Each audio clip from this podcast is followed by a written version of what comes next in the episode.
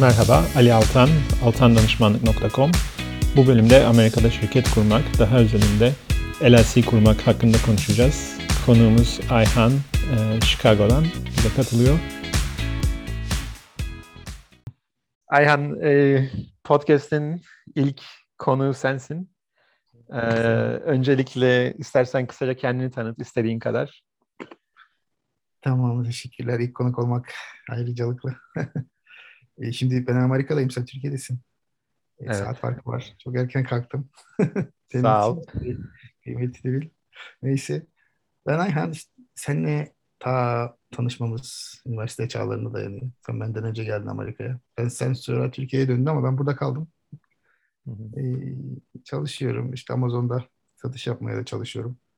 Chicago'dasın. İnşallah. Sorularım oluyor tabii sen her zaman yardımcı oluyorsun. Ee, şimdi bir de şirket açtım.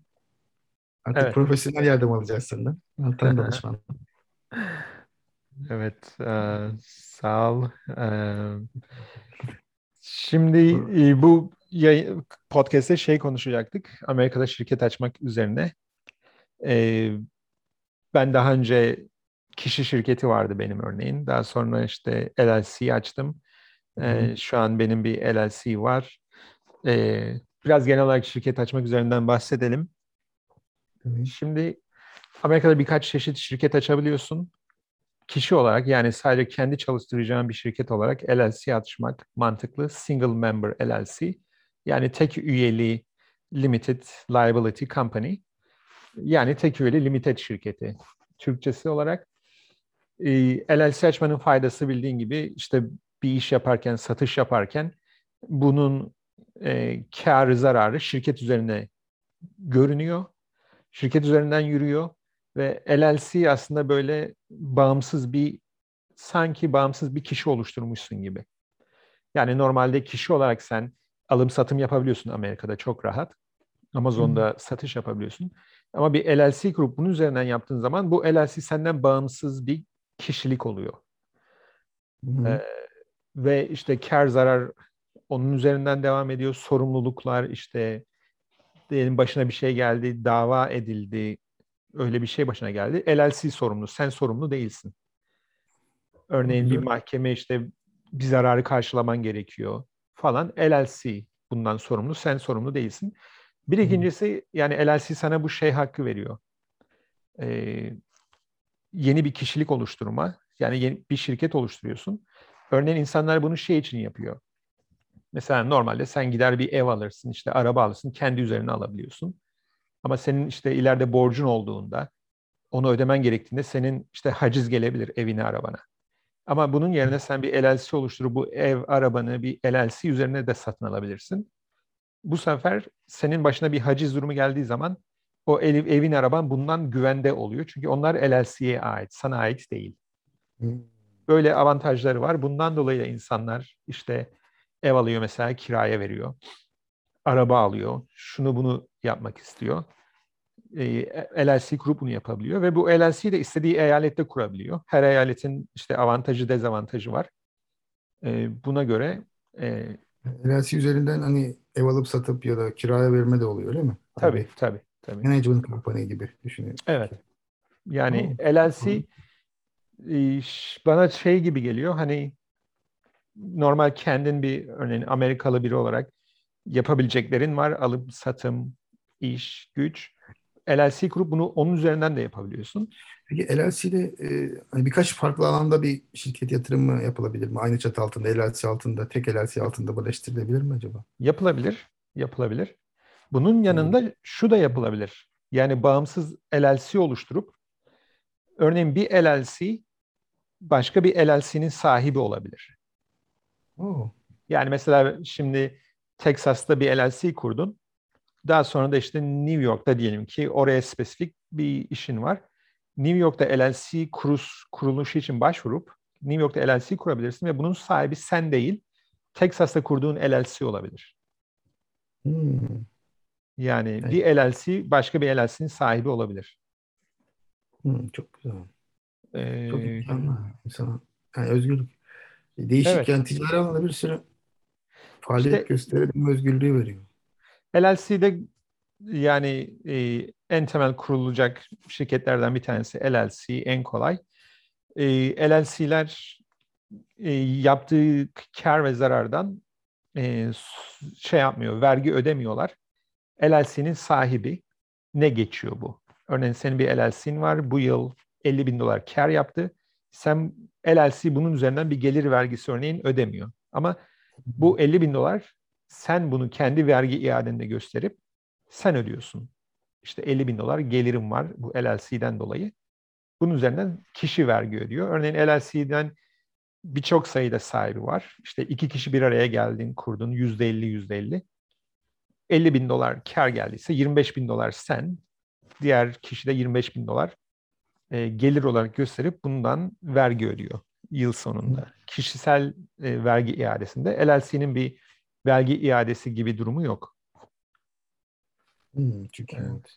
şahıs gibi görünse de canlı bir insan değil yani sonuçta. Yani ona şey deniyor, disregarded entity deniyor. Hmm. Yani yok sayılıyor gibi. E, vergi açısından yok sayılıyor.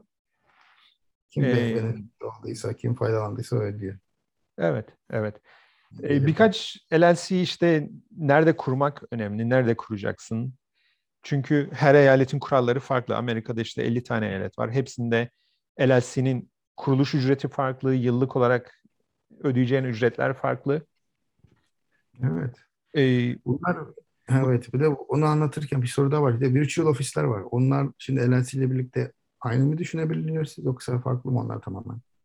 Şimdi virtual office almak yani, yani sanal ofis yani, sanal ofis LLC olan bir sanal ofis olabilir mi mesela? Ee, yani e, LLC bir sanal ofiste kurulabilir. Yani, evet, onu evet. demek istiyorum. Tamam. Evet, ee, yani e, evet sanal ofis almanın şöyle bir faydası var. LLC'ye gelen işte dokümanlar olacaksa, örneğin bir yerden alış wholesale olarak bir yerden e, ya da bir distribütörden mal alıyorsun. Bunlar işte fatura gönderir, sana belge gönderir, şu bu. Bu virt, virtual office'in olduğunda bu belgeler buraya gelip gider. Hani bir e, adresin olur ve bu adresi şirket adresi olarak gösteriyorsun. Hani Google Maps'e koyabilirsin. Şirket adresi olarak web sitende yer alabilir, yer alabilir bu adres. E, sonuçta ev adresini kullanmak e, şirket adresi olarak ve bunu internete yayınlamak çok da güvenli değil.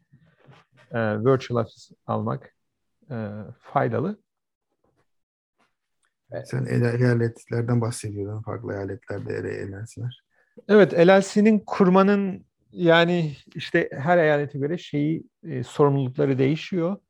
Bir kere Amerika'da yaşayanlar için tabii ki bir kere Nexus denen bir şey var. Nexus bir eyalette bulunuyorsan, bir eyalette çalışanın bulunuyorsa, bir eyalette ofisin varsa, depon varsa orada bir Nexus'un var. Yani sen o eyalette kayıt olmak zorundasın. Ee, işte en çok sorulan sorulardan biri işte nerede LLC'yi kurayım?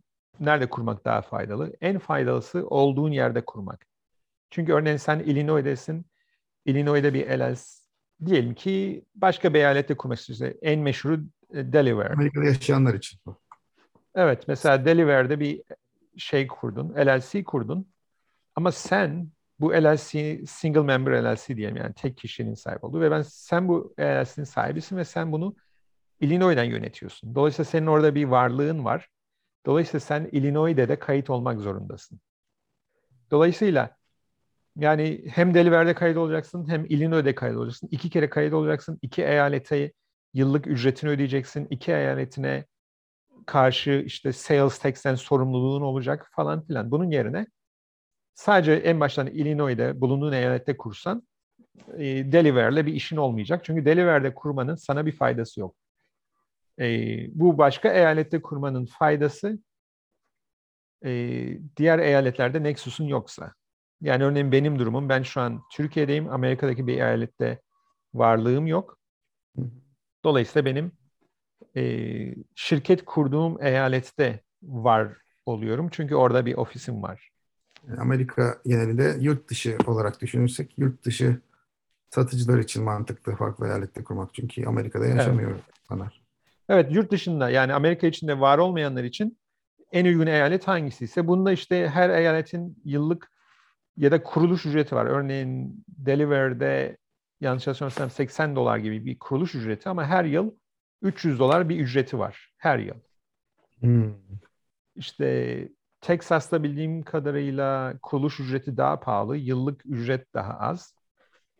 İşte buna yani rapor, yıllık rapor denir İşte yıllık bir beyanname gibi bir şey veriyorsun. Hiç öyle detaylı bir şey değil. Sadece aynı olan bilgileri, aynı devam ettiğini belirtiyorsun. Değişiklik varsa onu belirtiyorsun ve e, bunun isimleri değişiyor her eyalette. İşte franchise tax deniyor. No, franchise tax olmayabilir bir saniye. Ama işte çeşitli isimleri var eyalette. Kimi eyaletlerde yıllık hiçbir beyanname vermiyorsun. Örneğin New Mexico'da LLC'yi kurduktan sonra orada bir registered agent e, olduktan sonra e, şeye e, yıllık bir belir beyanname vermiyorsun. Yani yıllık ücret ödemiyorsun. E, bir kere kurduktan sonra işin tamam. E, orada bir registered agent bulunduğu müddetçe. Registered agent ne olduğundan konuşalım. E, bir eyalette şirket kurmak için ya sen orada bulunacaksın ya da senin adına kayıtlı bir kişi orada bulacak. Bu kayıtlı kişi de eyaletten işte vergiyle alakalı, yasal olan belgeler postayla geldiğinde bunu alıp bakacak kişi. Senin temsilcin gibi. Temsilci, yasal temsilci diyebiliriz. Bunun hizmetini veren çok sayıda şirket var Amerika'da. Ee, işte bir yerde kurmak istediğinde orada bir registered agent buluyorsun. Ee, o zaman bu virtual office onlardan yani sanal ofiste onlardan mı alıyoruz acaba? Sanal ofisi onlardan almak zorunda değilsin. Onlardan da. Onlar, çünkü fatura giderse sanal ofiste kimse olmayabilir. Yok, sanal ofis onu sağlıyor. Yani sanal ofis aldığın yer sana gelen e, belgelerin e, sana ulaştırılmasını sağlıyor. E, işte dediğim gibi yani bir yerde ya da Amerika'da hangi eyalette kurmak, LLC kurmak daha mantıklı diye bakılırsa bir Amerika'da yaşıyorsan olduğun eyalette. Eğer Amerika'da dışındaysan e, ücretlerine bakıp benim şu anda baktığım kadarıyla en ucuz ve en uygun Wyoming çok iyi. Yani kuruluş ücreti, yıllık ücretleri böyle angaryası en az olan bakarsan Wyoming, e, New Mexico eyaletleri, e, Nevada iyi ama onların da e, popüler olduktan sonra onlar ücretlerini artırdılar çok yüksek. Delaware olabilir. E, bu şekilde e, işte LLC kurarken bakılacak şeylerden biri yıllık e, yıllık beyanname vermeniz gerekiyor mu? Çünkü bazı yerlerde vermiyorsun. Örneğin ben New Mexico'da kurdum şirketi. Yıllık benim eyalete işte bir belge, bilgi vermeme gerek yok. O açıdan. Çünkü genelde bir belge, beyanname verdiğin zaman bunun bir de ücreti var çoğu eyalette. Benim öyle bir derdim olmayacak. Bazı eyaletlerin örneğin Delaware gibi eyaletin güzelliği sales tax yok. Yani satış vergisi yok. Yani Delaware'de kayıtlı bir LLC'in var. Amazon'da şurada böyle alıp satıyorsun. Sales tax olmadığı için yıllık Delaware'a işte bu satış vergisinden dolayı şey yapmak zorunda değilsin. Ee, işte onun beyannamesi, beyannamesini ya da onun e, işleriyle, angaryasıyla uğraşmak zorunda değilsin. O güzelliği var. Ama sales tax olmayan eyalet çok sınırlı. Yani New Hampshire, uh, Delaware, maybe belki Montana öyle. Yani not etmiştim 5 ya da 6 tane eyalet var. Çok sınırlı. Bir de aslında sanırım bu Amerika'da yaşayanlar için bir avantaj. Hani yurt dışında, Amerika dışından, Amerika içinde Amazon üzerinden satış yapmak isteyenler belki faydalanamayacak ama hani resale certificate var. Hani Evet. Evet yani tek tekrar satıcı sertifikası alabilirsek ki alınır zaten. Çok basit. Ee, yani supplier'larından, distribütörlerinden, toptancılardan alırken değil mi para vermiyorsun. Yani evet, sat, satmak üzere aldığın ürünlere e, vergi ödemiyorsun. Bu çok güzel bir şey yani Amerika'da çok rahat. Türkiye'de kimden ne al sat her zaman vergi ödüyorsun. Evet. Alırken vergi ödüyorsun, satarken o vergiyi tahsil ediyorsun. Böyle bir ton bir angaryası evet, var ama Amerika'da. Yaşamış olmamız gerekiyor ama değil mi? O var bir tek. Onun, yani şirketin varsa Amerika'da burada olmam. şeyi yok. E, hani Hmm, Amerika'da bir şirket kurarsan alırsın RUSAID sertifiket. Dolayısıyla Yani şahıs olarak burada yaşamana gerek yok. Yani Amerika'da bir şirket olarak kayıtlıysan RUSAID sertifiket alabilirsin. Şahıs olarak orada yaşamana gerek yok. Anladım. E, Bir ve vergi Evet. ödemezsin. Satmak Evet, üzere güzel. aldığın ürünlere. Bir, soru da daha aslında. Aslında belki onu da sormamız lazım. LLC gerekli mi yani? Hani şahıs şirket olarak da Amerika'da e, satış evet. yapılabilir. Hani hani millet belki hiç arkadaşlar dinleyenler soracaktır. E, aklarında kesin vardır bu soru. E, Yani LLC'nin bir güzelliği e, tabii ki LLC'nin kendi adresi ve kendi bir varlığı var. Dolayısıyla senden ayrı. E, dolayısıyla tabii ki bir resmiyeti var. Sonuçta bir şirketsin. LLC olmadan kişisin. Bazı satıcılar, e, toptan satıcılar, distribütörler sana güvenmeyebilirler.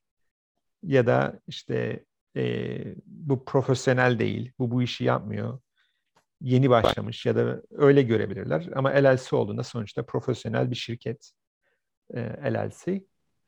E, bununla beraber e, tabii ki şu yasal açıdan işte örneğin Amazon'da bir ürün satıyorsun. Diyelim ki işte insanların vücudunda kullandığı elektronik, şu bu bir ürün ve biri zarar gördü bundan. Hadi çok ekstrem bir örnek olsun. Biri senden bir elektronik ürün aldı. Amazon'da sattın, Alibaba'dan getirdin, Amazon'da sattın ve yangın çıktı, evi yandı. Şimdi Hı bu adam seni dava edip e, o yanan evin parasını senden alabilir. Diyelim. Yani tabii ki mahkeme, şudur budur bunun bir ton şeyi var. E, kişi olarak bu sana gelecekler. Yani örneğin Ayhan olarak Ayhan bunu öde diyecekler. Sen de onu ödemek zorunda kalacaksın. Ama bir LLC'nin varsa LLC'nin sahip olduğu şeylerin arkasına düşebilirler.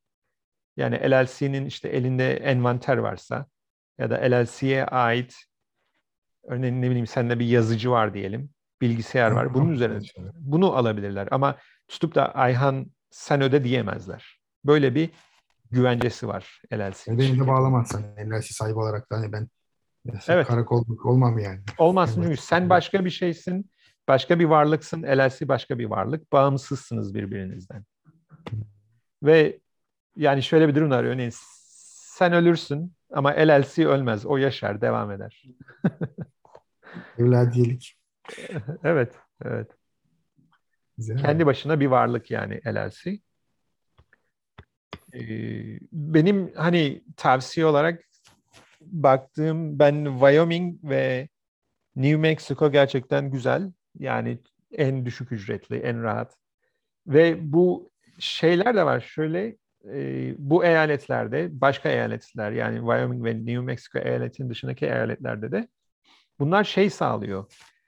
E, anonymous oluyorsun. Yani böyle bir mahremiyet sağlıyor, bilinmezlik sağlıyor. Örneğin benim şimdi kurduğum New Mexico'da şirkete gidip baksan benim adımı görmeyeceksin. Hmm. Kayıtlı benim hiçbir belgelerde adım yok. Yani e, öyle kendi bağımsız ve mahremiyet. Hani sen örneğin bu şirketi araştırdığında bana ulaşamayacaksın. Çünkü ben öyle bir şeyi var. Belgelerde benim ismim yok. e, başvuru belgelerinde. Bu registered agent yani bu yasal temsilcinin isimleri var. Dolayısıyla Hmm. şirkete ulaşmak isteyen yasal temsilciye ulaşır, bana ulaşamaz. Böyle bir e, şey var var. E, durum var. Gizlilik had safhada. Ayhan istersen burada bırakalım daha konuşacak şeyler var. Başka bir İkinci bölümde yaparız. podcast'te yine konuşabiliriz. Evet, Başka kendi hayatımızdan örnekler verip sorunları tartışmaya devam ederiz. Tamam.